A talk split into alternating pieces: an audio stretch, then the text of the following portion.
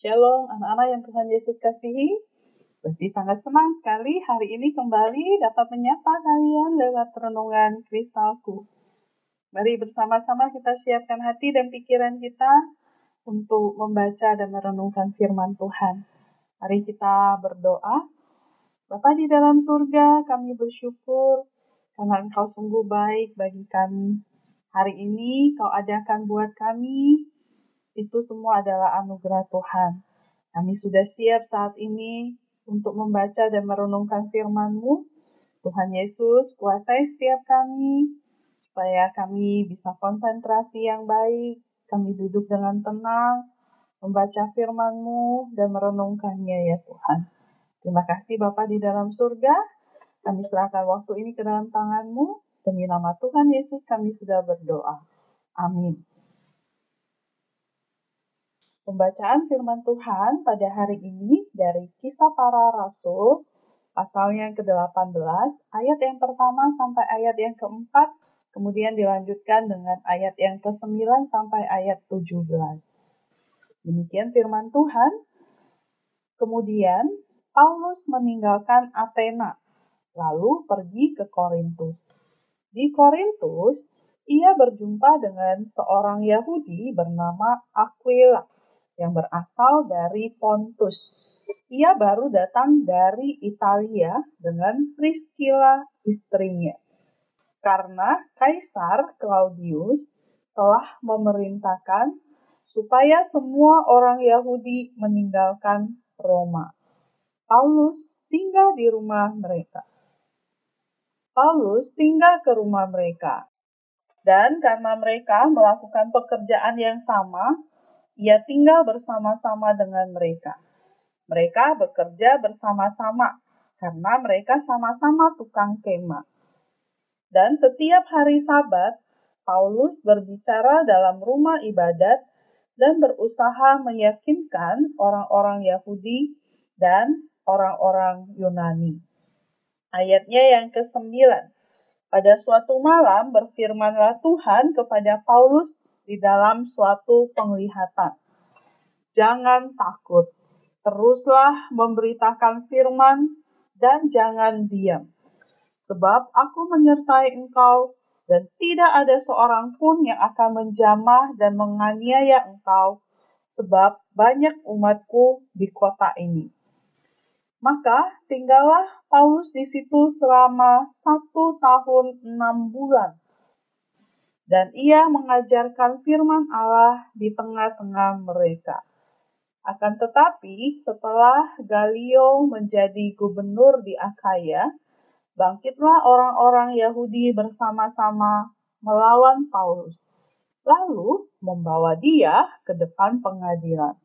Kata mereka, ia ini berusaha meyakinkan orang untuk beribadah kepada Allah dengan jalan yang bertentangan dengan hukum Taurat. Ketika Paulus hendak mulai berbicara, berkatalah Galio kepada orang-orang Yahudi itu, "Hai orang-orang Yahudi, jika sekiranya dakwaanmu mengenai suatu pelanggaran atau kejahatan, sudahlah sepatutnya aku menerima perkaramu. Tetapi kalau hal itu adalah perselisihan tentang perkataan atau nama atau hukum yang berlaku di antara kamu. Maka hendaklah kamu sendiri mengurusnya. Aku tidak rela menjadi hakim atas perkara yang demikian. Lalu ia mengusir mereka dari ruang pengadilan. Maka orang itu semua menyerbu Sostenes, kepala rumah ibadat, lalu memukulinya di depan pengadilan itu. Tetapi Galio sama sekali tidak menghiraukan hal itu. Anak-anak yang Tuhan Yesus kasihi. Firman Tuhan berkata, setelah Rasul Paulus berkhotbah di Athena, ia pergi ke kota Korintus sekarang. Di sana dia tinggal bersama dengan Aquila dan Priscilla. Mereka sama-sama membuat tenda atau kemah untuk kelangsungan hidup mereka. Pada suatu malam, Tuhan berbicara kepada Paulus dalam suatu penglihatan. Jangan takut, kata Tuhan.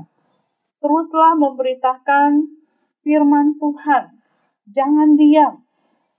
Tidak ada yang akan menyerangmu dan merugikan kamu, karena aku menyertai kamu dan di kota ini banyak orang-orang yang percaya kepadaku. Jadi Paulus tinggal di kota Korintus itu selama satu setengah tahun dan mengajar firman Allah di sana. Ketika Galio menjadi gubernur baru, sekelompok orang Yahudi menangkap Paulus dan membawanya ke Galio untuk diadili. Mereka menuduh Paulus membuat orang untuk beribadah kepada Allah dengan cara melawan hukum mereka. Tapi Galio menjadi tidak sabar dengan orang-orang Yahudi itu dan berkata, Orang ini belum melakukan kejahatan. Kamu harus memilah masalahmu. Kalau itu adalah masalah agamamu, selesaikan sendiri. Dengan demikian, Rasul Paulus dibebaskan. Allah menepati janjinya. Bahwa Allah menyertai dan melindungi Rasul Paulus. Nah, anak-anak yang Tuhan Yesus kasihi, bagaimana saya bisa tahu yang mana janji Allah dalam firman Tuhan diberikan kepada saya.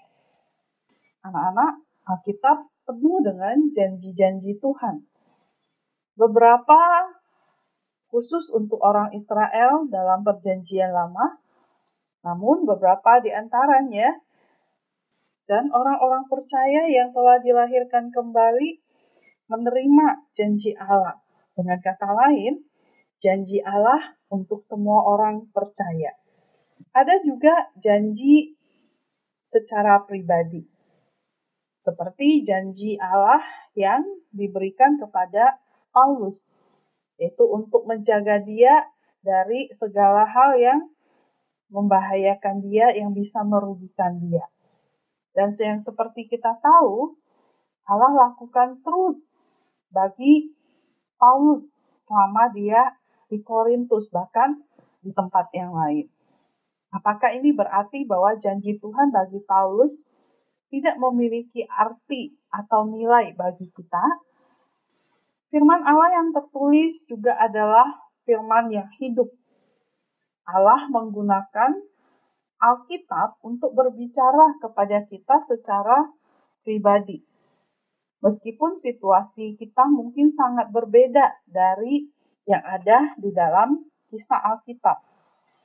Itu adalah cara Allah membimbing kita dan membuat Alkitab menjadi sesuatu yang sangat-sangat berharga menarik, dan berguna bagi hidup kita. Karena itu adalah firman Tuhan sendiri. Ketika saya dan kamu meminta Tuhan untuk berbicara kepada kita melalui firman-Nya, Roh Kudus akan membuat ayat-ayat firman Tuhan atau bagian firman Tuhan yang kita baca, yang kita pelajari itu hidup dengan makna seolah-olah itu diletakkan di sana hanya untuk kita. Nah, anak-anak yang Tuhan Yesus kasihi, jadi hari ini kita lihat bahwa janji firman Tuhan itu bisa yang ada di perjanjian lama untuk orang Israel khusus, tapi juga ada janji yang diberikan untuk semua orang percaya dan ada yang diberikan secara pribadi. Biarlah kita boleh menemukan kebenaran janji-janji firman Tuhan itu yang boleh membuat iman kita terus kuat bersandar kepada Tuhan Yesus. Mari kita berdoa. Bapa di dalam surga, terima kasih untuk kebenaran firman-Mu yang kami boleh sama-sama belajar di hari ini. Kiranya kami sebagai anak-anak-Mu ya Tuhan terus berpegang teguh kepada janji firman-Mu dan kami boleh menyerahkan semua pergumulan hidup kami kepada Engkau. Tuhan Yesus, pimpin kami supaya kami terus diberikan hikmat oleh Tuhan untuk boleh mengerti firman Tuhan. sertai dalam proses belajar di hari ini. Tuhan berkati semua sarana yang dipakai, jauhkan dari gangguan sehingga proses belajar hari ini boleh berjalan dengan baik. Tuhan berkati papa mama yang bekerja, kasih hikmat, kekuatan, kesehatan atas mereka. Terima kasih Tuhan Yesus. Ini doa kami. Amin.